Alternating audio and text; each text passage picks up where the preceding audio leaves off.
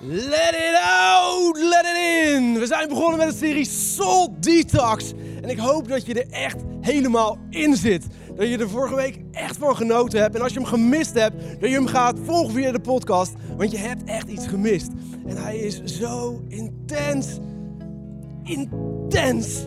We hebben gekeken naar wat je ziel is. En dat je ziel alles is. Je ziel is hoe kan je er nou voor zorgen dat je echt een gezonde ziel kan hebben? Vandaag gaan we nog een stap verder in dit topic. En gaan we kijken hoe je ziel nou echt rust kan ervaren. En daarvoor is het zo belangrijk om echt te begrijpen en te weten dat we niet een lichaam zijn met een ziel, maar dat we een ziel zijn met een lichaam. Dat we een lichaam hebben. Dat we een gedachte hebben. Dat we een wil hebben. Dat we een lichaam zijn met een ziel, maar een ziel met een lichaam, gedachte en wil. En dat verandert het hele plaatje als het gaat om je ziel. Het verandert alles. We zijn een lichaam met een ziel. Maar we zijn een ziel lichaam. In de Bijbel wordt het op deze manier beschreven. Op het moment dat God Adam maakte, de allereerste mens, staat er in Genesis. Toen vormde de Heere God het lichaam van de mens uit het stof van de aarde en hij blies hem zijn levensadem in. En zo werd de mens een levende ziel, het werd een levend wezen. We zijn dus geen lichaam met een ziel, maar we zijn echt een ziel met een lichaam. Waarom is dit nou zo intens belangrijk? Toen ik in mijn studententijd in de studentenflat woonde, woonde ik op een gang met nog 14 andere mensen. En de helft daarvan die rookte. En we hadden een hele gezellige gemeenschappelijke woonkamer waar we heel veel met elkaar zaten. Tot ik een keer een lang weekend wegging. En ik kwam terug en ik dacht, wat ruikt het hier dan? En even serieus, het is een studentenflat. En er zijn heel veel redenen waarom het zou kunnen stinken in een studentenflat. I know. Maar dit was een heel specifiek luchtje. Langzaamaan was ik gewoon gaan wennen aan die geur van rook. En had ik al die maanden lang die tweedehands lucht lopen inademen. Er zijn zoveel dingen die jouw ziel van buitenaf beïnvloeden, die we langzaamaan heel normaal zijn gaan vinden. Het werkt precies hetzelfde. En misschien ben je bekend met allerlei maniertjes om te detoxen. Lekkere kopjes thee tot hele weekendjes weg. Om ervoor te zorgen dat je lichaam helemaal detoxt. Maar hoe detox je je ziel? Laten we daar vandaag nog een stap dieper in duiken. Nog een stukje verder in kijken. Nog beter kijken hoe we echt die diep cleaning kunnen gaan krijgen. En onze ziel echt die rust kunnen geven die het verdient. We kijken vandaag naar het topic waarom je ziel rusteloos is. En hoe je echt die rust wel kan ervaren. Maar wat zijn dan de oorzaken van een rusteloze ziel? Misschien ken je wel het verhaal in het begin van de Bijbel van de broers Kaan en Abel. En Kaan die was jaloers op Abel. Zelfs zo jaloers dat hij zei, en nu ben ik er klaar mee. Ik maak je een kopje kleiner, ik vermoord je. Heftig. En God reageerde er zo op. Die zei tegen Kain, daarom verban ik je van de grond waarop het bloed van je broer heeft gevloeid. Hoe je ook zal zwoegen, hoe je ook zal ploeteren, de aarde zal je nooit voldoende opleveren. Voortaan zul je een vluchteling zijn die van de ene naar de andere plaats zal zwerven. Oké, je hebt je broer vermoord en God zegt tegen je, je zal de rest van je leven een rusteloze zwerver zijn. Rusteloos. En als je dit verhaal leest, denk je heftig. Maar ik denk dat we allemaal wel die rusteloosheid heftig ervaren ze nu en dan in ons leven. Misschien wel heel vaak. Misschien wel te vaak dan dat je eigenlijk zou willen. Dat je echt die rusteloosheid in je lichaam ervaart. Dat je altijd maar aan het zoeken bent, maar dat je het niet kan vinden. Dat je geïnteresseerd bent in van alles. Maar niets geeft je echt die voldoening. Niets geeft je echt die rust die je nodig hebt. Van binnen ben je constant in beweging en aan het zoeken naar het ene wat je rust geeft in je lichaam. Maar we vinden eigenlijk nooit echt die rust in onze ziel. In Prediker zegt Salomo dit erover. Wat krijgt een mens dus als een beloning voor al zijn werk? Dagen gevuld met zorgen en verdriet in rusteloze, doorwaakte nachten. ontmoedigend idee. Ja, Salomo, het is een ontmoedigend idee. Want wees eens eerlijk, wie kent dat niet? Dat je s'nachts in je bed ligt en dat je hoofd, je gedachten maar door blijven gaan over je vrienden, over je familie, over je kerk, over je werk. Dat je geen rust kan vinden in je gedachten. Echte, diepe rust. Zelfs s'nachts niet. En ik geloof dat we allemaal weten hoe we ons lichaam rust kunnen geven. Maar vandaag willen we echt kijken naar hoe kun je je ziel rust geven. Want je ziel heeft rust nodig. Waar kunnen we rust vinden voor onze ziel? David zegt in de psalmen dit. Alleen bij God vindt mijn ziel rust. Van hem komt mijn redding. Dus bij God is de enige plek waar ik echt rust voor mijn ziel kan vinden. Period. Geen andere optie. Mijn ziel, van wie ik echt ben, de kern, echt mijn binnenste wie ik ben, kan alleen rust vinden bij God. Niet bij een persoon, niet bij een bezit, niet bij een vakantie, niet bij een beleving, niet bij een prachtig huis, niet bij een jacuzzi, niet bij een Tesla voor de deur, niet bij een Harley voor mij voor de deur. Nergens kan je die rust vinden behalve bij God, zegt het hier. Alleen bij God vindt mijn ziel haar rust. Augustinus zegt in de beleidenis, want u hebt ons gemaakt voor u alleen en rusteloos blijft ons hart totdat ze rust vindt bij God. Dat is de plek. En ook als we de Bijbel lezen, zien we dat God ons eigenlijk geen easy taken heeft gegeven, toch? Jij bent gemaakt voor grote dingen. Voor grote dingen. Kijk naar het leven van Abraham. Kijk naar het leven van David. Kijk naar het leven van Esther in de Bijbel. Grote dingen. Maar tegelijkertijd zegt God ook tegen je in Matthäus: Kom naar mij toe. Alle die vermoeid zijn. Iedereen die belast is.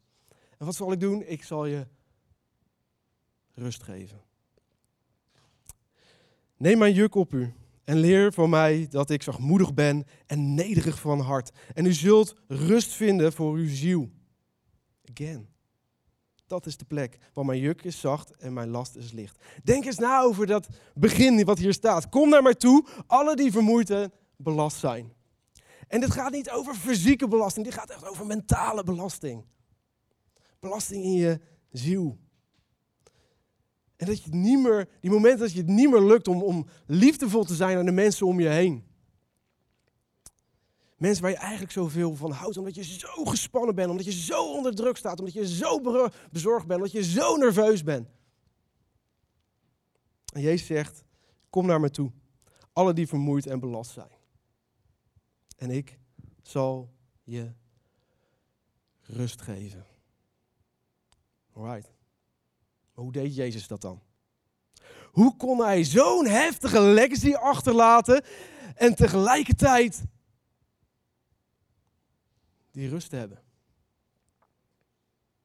Want hij begreep als geen ander dat zijn ziel rust nodig had. En we kunnen in Jezus leven een heel duidelijk patroon zien hoe hij dat deed. Want zijn leven was niet easy, maar hij leefde wel intens samen met zijn vader. Hij leefde in een ritme van genade. Een ritme van genade bestaat uit vier punten.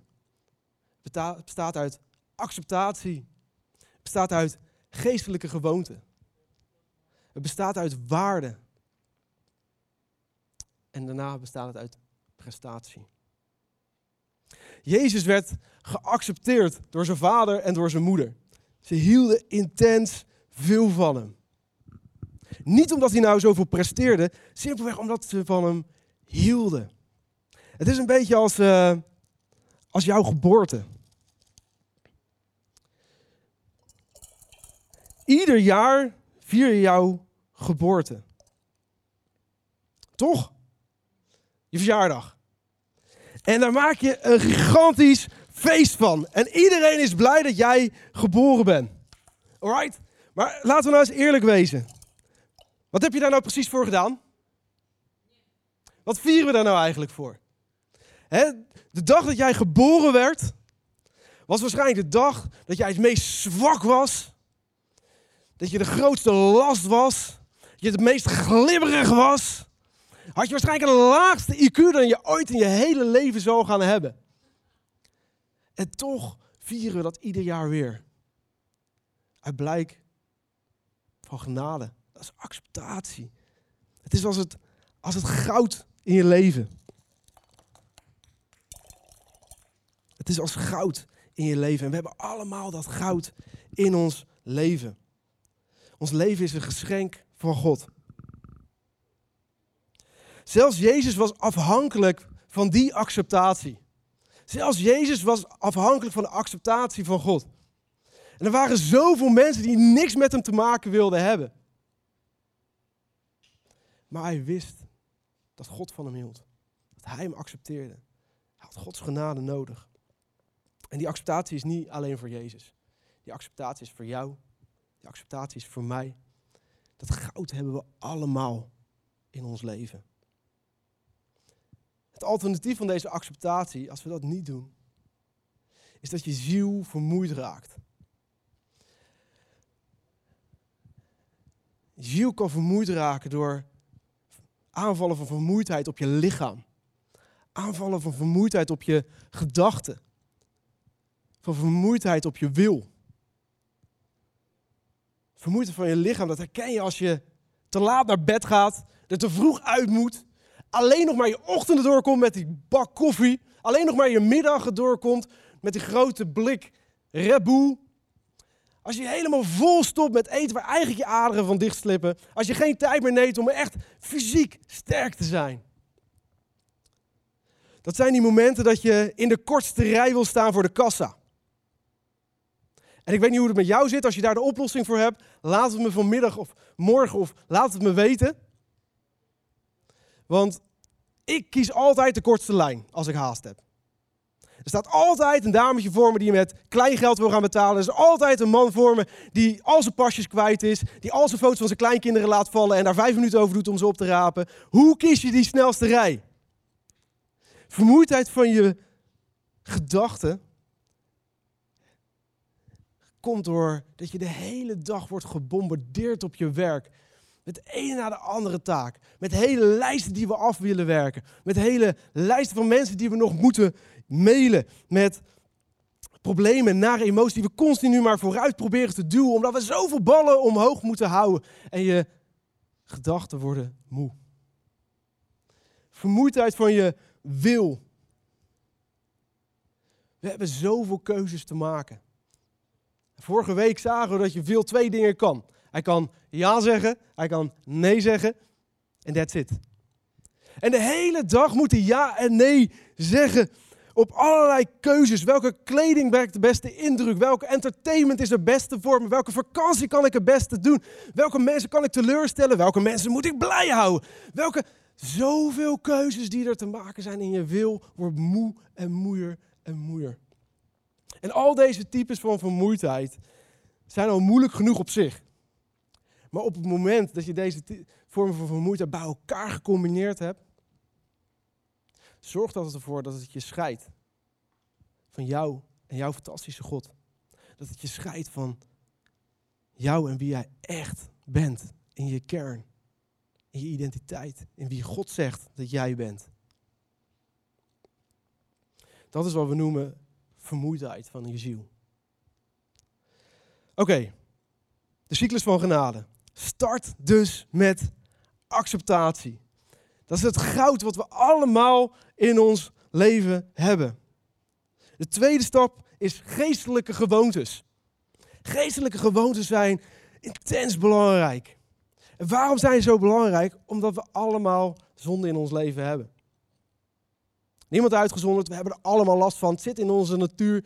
zijn dingen die we fout doen, zijn dingen die we eigenlijk anders hadden moeten doen. Dingen die we andere mensen aandoen. Dingen die andere mensen ons aandoen. Het is, we hebben het allemaal in ons leven. We hebben allemaal die zonde in ons leven. En de truc is, het zijn die geestelijke gewoontes. Die geestelijke gewoontes, daarmee duw je ze je leven uit.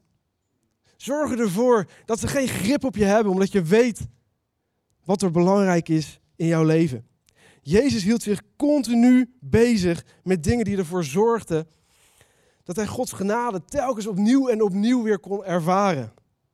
Hij zorgde ervoor dat hij bidden. Hij had hechte vriendschappen. Hij had zijn twaalf buddies continu om zich heen. Hoe heftig is dan je vriendschap? Hij zorgde ervoor dat hij naar de tempel ging. Om daar te bidden en te aanbidden. Hij ging de natuur in, de bergen in, het meer op. Hij maakte lange wandelingen door tuinen. Het was ook niet dat hij een taxi kon pakken, dus hij moest wel van de ene naar de andere plek lopen. En hij gebruikte al die tijd om aan zijn geestelijke gewoontes te bouwen. En voor te zorgen dat die slechte invloed van buitenaf geen invloed op hem konden hebben. En vaak denken we zo dat onze geestelijke gewoontes, dat dat dingen zijn waar je zo moe van wordt, dat het alleen maar je energielevel leeg trekt. Geestelijke gewoontes, dat betekent dat ik nog meer moet gaan dienen. Dat ik nog meer in mijn kerk en in mijn small group moet gaan doen. Dat ik nog meer van mezelf moet gaan geven. Het is precies het tegenovergestelde. Geestelijke gewoontes zijn gewoontes die juist leven geven. Die je dichter bij God brengen. Die je nog dichter bij het aanbidden van jouw God brengen. En nog dichter bij Hem brengen zoals Hij jou wil zien. Die geestelijke gewoontes, die duwen die zondes uit ons leven. Zodat ze geen invloed meer kunnen hebben. En zodat mijn ziel geconnect blijft met een fantastische God.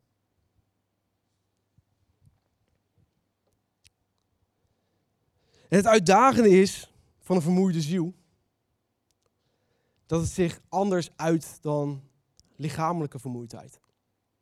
Als ik een halve marathon heb gerend, dan zegt mijn lichaam: alright, dit wordt een rustig weekje. Misschien een klein wandelingetje, maar voor de rest lekker met je benen op de tafel. Het is een beetje als het tanklampje in je auto. Op het moment dat de tank bijna leeg is, gaat het lampje branden en je weet, 15 mhm, kilometer, 20 kilometer, kan nog wel even rekken, moet straks wel gaan tanken. Maar je ziel heeft niet zo'n tanklampje. En dat maakt dat we met onze ziel veel voorzichtiger moeten zijn. En dat we echt die hele subtiele kenmerken van een vermoeide ziel moeten kennen. Zodat we weten wanneer we de stappen moeten nemen. En dit is super belangrijk. Zorg ervoor dat je die herkent. Die tekenen van je vermoeide, vermoeide ziel. Zodat je die geestelijke gewoontes kan integreren en voor kan zorgen tot hier en niet verder. Tekenen van je vermoeide ziel zijn die manier waarop je reageert als je partner op zijn kauwgompje aan het kauwen is. En je het eigenlijk niet meer trekt. Come on! Is dat zo moeilijk? Herkenbaar? Ja. Het moment dat je hele simpele beslissingen opeens niet meer kan nemen.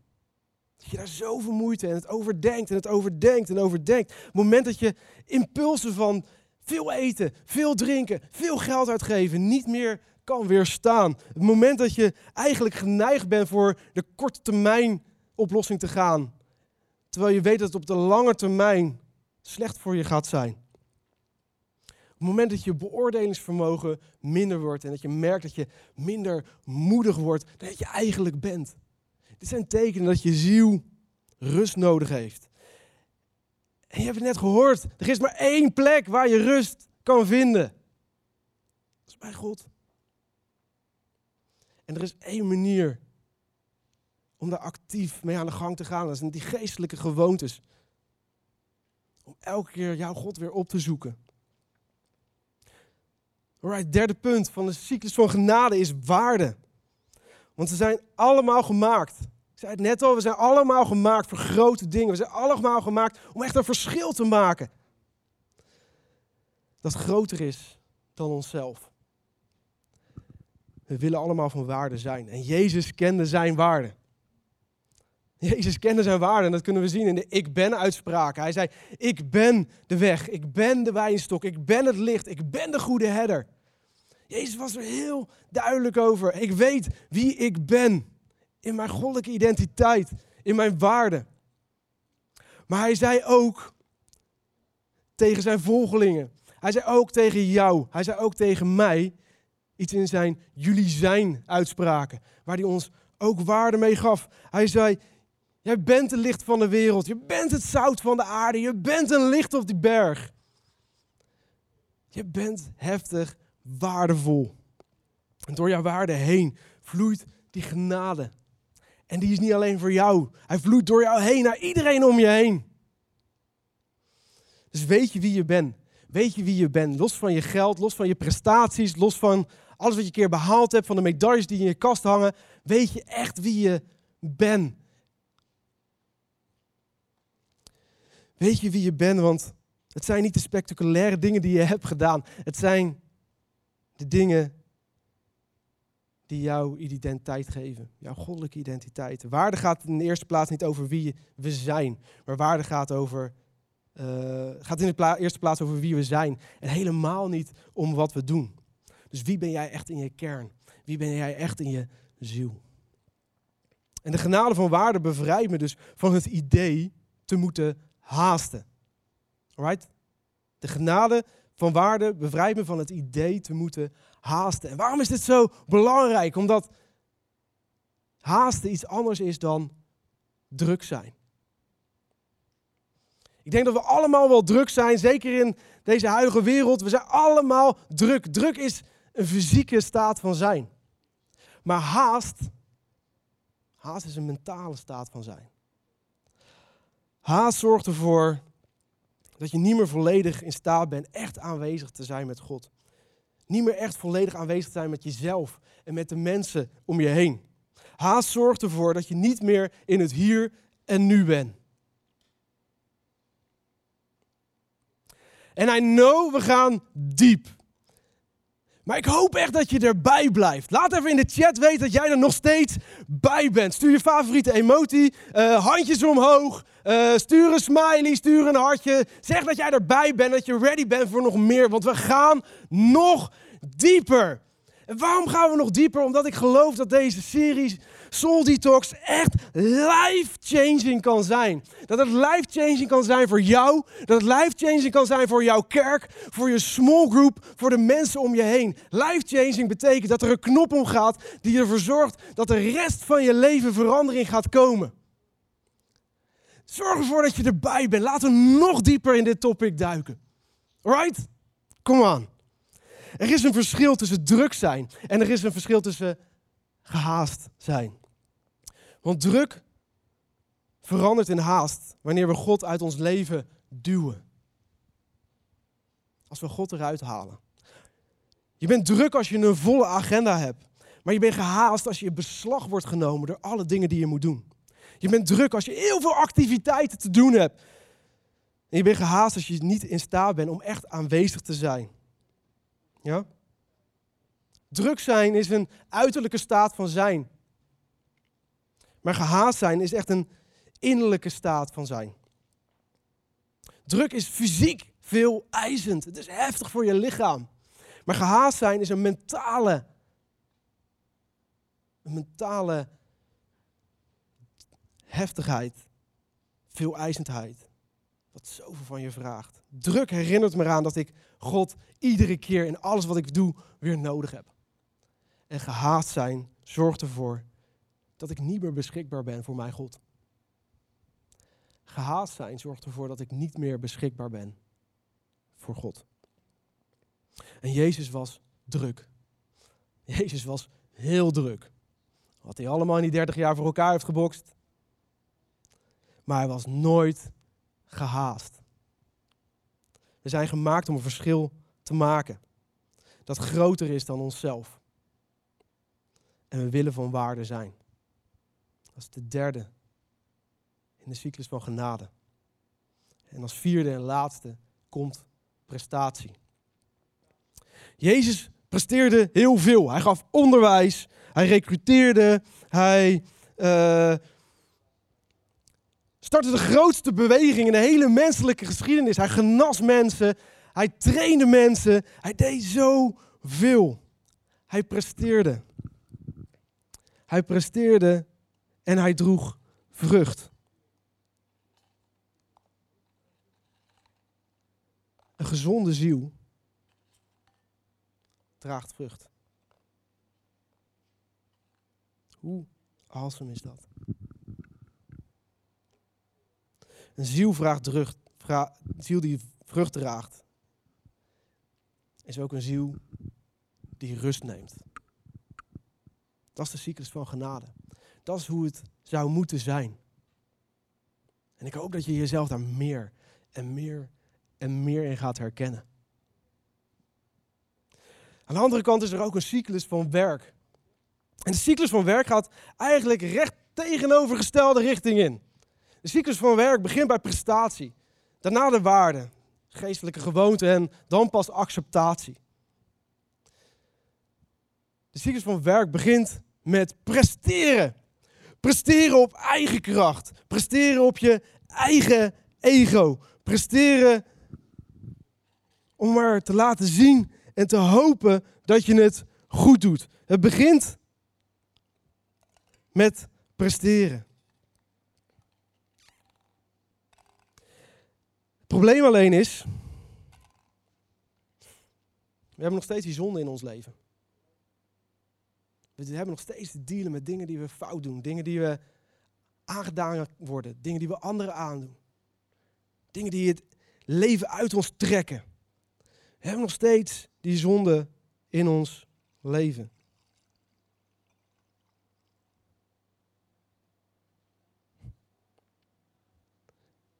En het trekt overal in. Ziet er niet zo lekker uit, toch? Het doordrenkt je hele leven. En wanneer we leven zonder genade, als dat niet ons startpunt is, die genade, die acceptatie, zonder die geestelijke gewoontes in ons leven, zal het altijd zo blijven. Het is een beetje als die tweedehands lucht die ik inadem in mijn studentenkamer. Je raakt er langzaamaan aan gewend en je denkt dat het normaal is. Maar het ziet er niet uit. En we blijven presteren en we blijven hopen dat we ergens dat gevoel van waarde krijgen. Dat er ons doorheen trekt op momenten dat we echt stress ervaren. Op momenten dat we het echt druk gaan krijgen. Als we het moeilijk krijgen. Dat we maar genoeg waarde hebben om daar doorheen te komen. En laat duidelijk zijn, hè, we hebben allemaal waarde. Ook als je volgens deze cyclus leeft. Ook als je zo leeft hebben allemaal dat goud in ons leven. Maakt niet uit of je nou zo leeft of zo leeft. We hebben allemaal goud in ons leven. God heeft je waardevol gemaakt. Maar als we het zo leven, is het goud niet te zien. Is het goud niet te zien omdat we simpelweg op de verkeerde plek beginnen. We beginnen bij onszelf, we beginnen bij onze eigen ego, we beginnen bij willen presteren. Wat uiteindelijk nergens naar zal leiden. Het maakt je ziel stukje voor stukje kapot. Het zorgt ervoor dat we God niet meer kunnen connecten. Dus in plaats daarvan moeten we beginnen bij God vanuit het startpunt van acceptatie. Vanuit daar leren we die geestelijke gewoontes. En duwen, en duwen de negatieve invloed uit ons leven weg. En ze zullen komen en soms komen ze verder dan dat je zou willen. Maar je weet bij wie je moet zijn. Je weet wat je moet doen. En die geestelijke gewoontes duwen het uit je leven en zorgen ervoor dat het goud te zien blijft. Dat je kan presteren, dat je vrucht kan dragen. En je ziel gezond kan zijn. Waar begint het allemaal? Het begint bij God. Het begint bij zijn genade, bij zijn acceptatie. Bij hem vinden we rust. Maar hoe vinden we dan die rust bij God? Alright? Hoe vind je dan die rust bij God? Misschien vraag je dat af. Laten we naar drie hele praktische manieren kijken. Hoe je ervoor kan zorgen dat je echt die rust in je leven kan ervaren. Dat je echt God dichterbij kan halen. Ready? Laten we de chat weten. Ready? Dat je er klaar voor bent om de drie meest praktische tips van de afgelopen tien jaar nu te krijgen. Hoe dat je echt kan connecten en je ziel in lijn kan brengen. Cool. De eerste is, wees stil voor God. In Psalm 46 lezen we, word rustig en weet dat ik God ben. En dit lijkt misschien heel vanzelfsprekend en je denkt, waarom begin je nou hiermee? Maar hier staat niet, plan je hele agenda vol en weet dat ik God ben. Wees super nerveus en weet dat ik God ben. Wees super productief en weet dat ik God ben. Er staat niet, wees bezorgd, wees heel erg opgefokt en weet dat ik God ben. Nee, er staat, wees stil en weet dat ik God ben. En niet weten van, ja, ik weet het. Nee, weet het. Weet het in je diepste van wie je bent. Weet het in je ziel dat God God is. Wees stil en weet dat ik God ben. En misschien ben je soms wel eens omringd door kinderen, van anderen, van jezelf, van... En lopen ze allemaal om je heen te rennen en te schreeuwen. En zou je niks liever willen zeggen dan soms: Allemaal koppen dicht!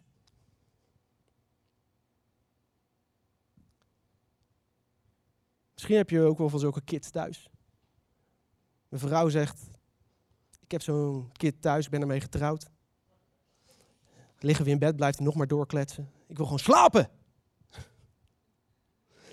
Soms moeten we gewoon tegen onze ziel zeggen: En nu ben je stil. Nu ga je op pauze, nu ga je zitten en stop je met rondjes draaien. Wees stil en weet dat ik God ben. Doe het gewoon. En begin heel simpel. Pak je timer eh, op je mobiel, zet hem op vijf minuten. Zoek een rustige plek op en focus je alleen maar op God. En I know in het begin is het moeilijk. Maar kom on, ik moet de was nog doen, ik moet nog boodschappen doen en ik heb mijn social media niet gecheckt. En, oh, zoveel dingen die ik nog moet doen. En elke keer als dat gebeurt, zeg je tegen jezelf: Ziel, stil, ik focus me nu op God. Omdat het gezond voor me is. Omdat het gezond voor jou is. De afgelopen weken ben ik hier mee begonnen. Practice what you preach, zeggen we altijd, toch? Dus ik dacht, dan moet ik hiermee beginnen ook. En het was taf en het was moeilijk. En ik had lastige situaties op mijn werk waar ik mee te dealen had. Gesprekken die ik niet wilde voeren. En alles draaide maar door in mijn hoofd. En ik heb nog nooit zo'n rust ervaren als afgelopen week. Door simpel iedere ochtend vijf minuten stil te zitten. Voor mijn fantastische God.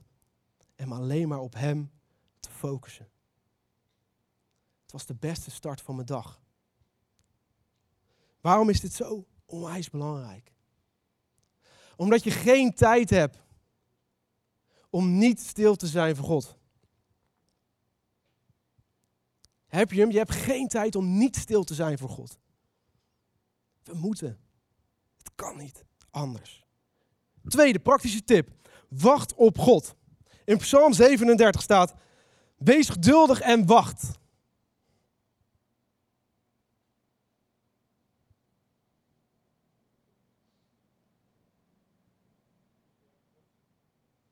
En jullie denken, wanneer gaat hij nou verder dan? Die is zo ongeduldig. Kom on. We leven in een wereld waar alles maar snel, snel, snel moet zijn. Waar we meer, meer, meer moeten hebben. Waar het vlug moet en waar we eigenlijk geen geduld meer hebben. Maar Psalm 37 is zo duidelijk. Wees geduldig en wacht. Wacht af wat de Heer doet. Je hoort zo vaak mensen zeggen: hoe kan ik dan Gods stem verstaan? Nou, hier staat het. Doe je Bijbel open en wacht. Doe je Bijbel open, lees en wacht tot hij wat te zeggen heeft. Wacht. God wil de hele tijd tegen je praten. Hij wil voor alles tegen je zeggen. Maar soms moeten we eerst tot rust komen. En dan wachten tot hij wat te zeggen heeft. Dus heel praktisch vind je rust bij God door stil te zijn voor God. Door te wachten. En de derde, sta stil bij Gods goedheid. Zo vaak als we stil zijn, zijn we geneigd te denken aan alles wat er nog moet gebeuren. Maar neem de tijd en denk niet aan wat er allemaal nog moet. Denk niet aan alles wat je nog wil dat God doet. Wat jij nog allemaal die dag moet doen. Nee, neem je tijd. En denk aan alles wat God al gedaan heeft. In Psalm 116 staat: Kom weer tot rust, mijn ziel. Waarom? Omdat de Heer is je hulp. Hij is je tot hulp gekomen. Dus neem de tijd en denk na hoe goed Hij is. Denk aan Zijn genade. Denk aan alles wat Hij al in je leven heeft gedaan. Denk aan alles wat Hij al beloofd heeft en misschien al waar heeft gemaakt of wat Hij nog waar gaat maken. Neem daar echt de rust in de tijd voor. Ja, u hebt mijn leven ontrukt aan de dood. Mijn ogen gedroogd van de tranen. Mijn voeten voor struikelen behoed. Wat heeft God gedaan? Hij heeft mij gered van de dood. Hij heeft al mijn tranen weggenomen. En hij zorgt ervoor dat ik niet opnieuw en opnieuw val. Als het echt moeilijk is, draagt hij me zelfs.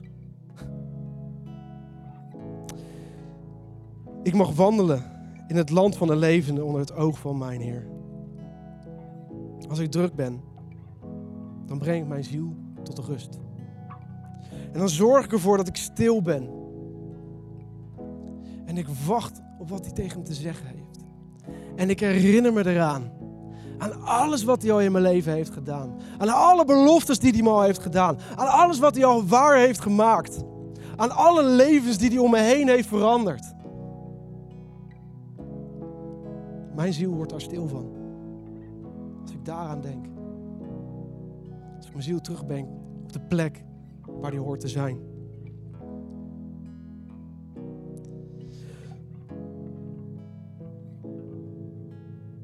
Als je druk bent, denk dan aan wat God je heeft beloofd.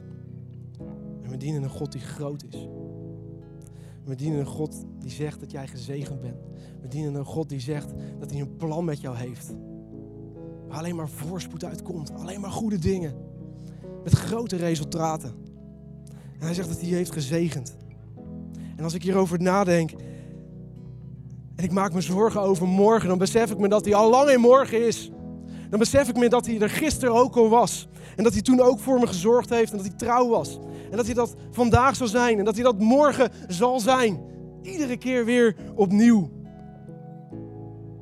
En dat hij mijn ziel echt tot rust kan brengen.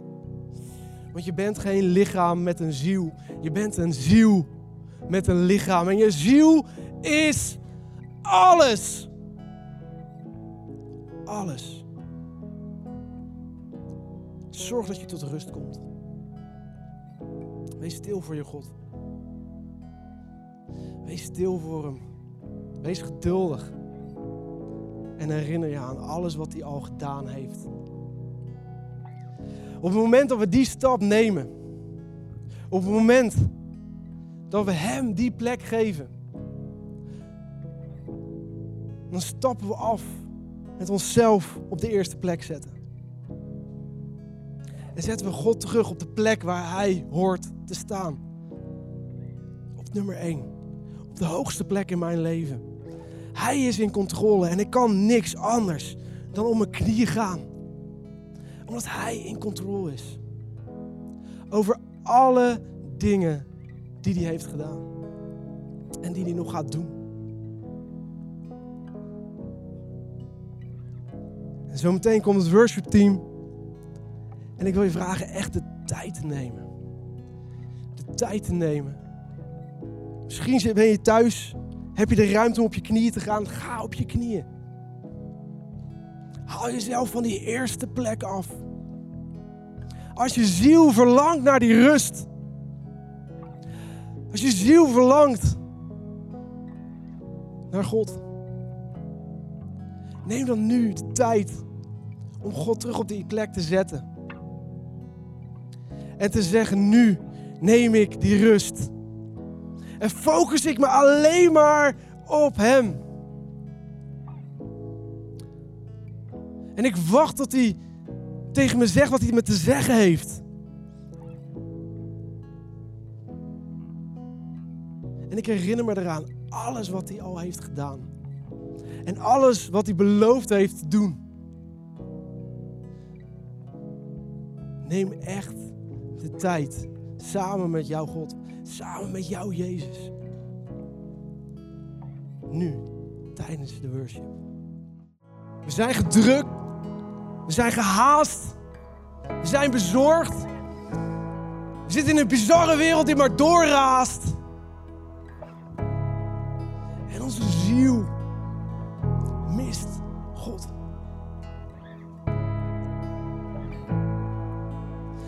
God wil ons echt aan herinneren dat u God bent. Dat u de weg bent. Dat u van ons houdt. En dat u echt rust bent. U bent God, niet wij. En we willen u weer terug op die plek zetten. En als jij op dit moment naar deze message luistert, naar deze livestream kijkt, later naar de podcast. Als je hier aanwezig bent als medewerker op dit moment en je zegt, mijn ziel is onrustig, mijn ziel is moe. En ik verlang, ik verlang naar die bovennatuurlijke rust in mijn hart, in mijn hoofd, in mijn identiteit, in mijn ziel. Zet dan nu die stap. Wacht niet langer, maar zet nu die stap. En begin met stil zijn. Laten we nu echt de tijd nemen om stil te zijn.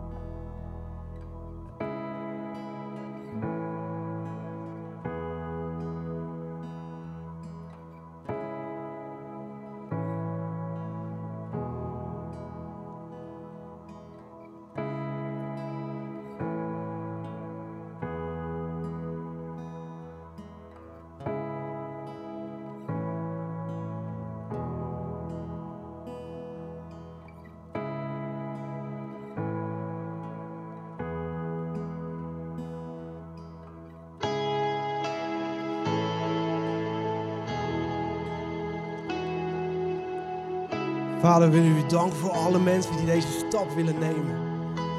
Dank u wel voor de moedige stap die ze willen nemen naar u toe. Omdat ze weten dat dat de enige plek is waar hun ziel echt rust kan krijgen. We vinden rust bij u. Wilt u ze zegenen met die rust, die goddelijke rust, die bovennatuurlijke rust in hun hart. Met die rust in hun hoofd, met de rust in hun ziel. U alle gehaastheid wegnemen. Alles wat ons afhoudt van dichter bij u te komen. We willen u dichterbij ervaren dan ooit. Om in onze identiteit te stappen en te doen waar u ons voor heeft gemaakt. U heeft ons gemaakt voor dingen die groter zijn dan wat. Groter dan onszelf. Om echt een impact te maken in deze wereld. In mijn familie, in mijn gezin, bij mijn vrienden, op mijn werk, in mijn stad, door mijn kerk. Dat deze mensen deze stap hebben genomen echt zegenen. In Jezus' naam. Je bent gezegend. En we vragen u echt in deze tijd, misschien wel de meest bizarre tijd die we in ons leven meemaken, om als kerk als één te staan op dit moment. Dat als we moe zijn, dat we weten dat we kracht van u krijgen. Om steeds weer nieuwe stappen te maken. Om ons dichter bij elkaar te brengen dan ooit tevoren. Om te doen waar u uw kerk voor heeft geroepen. Voor waarvoor u mij heeft geroepen. Om een verschil te maken. Door onze kerk heen. Vader, we vragen u, bouw uw kerk. Bouw uw kerk hier in Leiden. Bouw uw kerk in Amsterdam. Bouw uw kerk in Rotterdam. Bouw uw kerk in heel Nederland. Over de wereld. We verlangen om dichter bij u te komen. Zoals onze ziel echt rust mag ervaren, zal ervaren. Amen.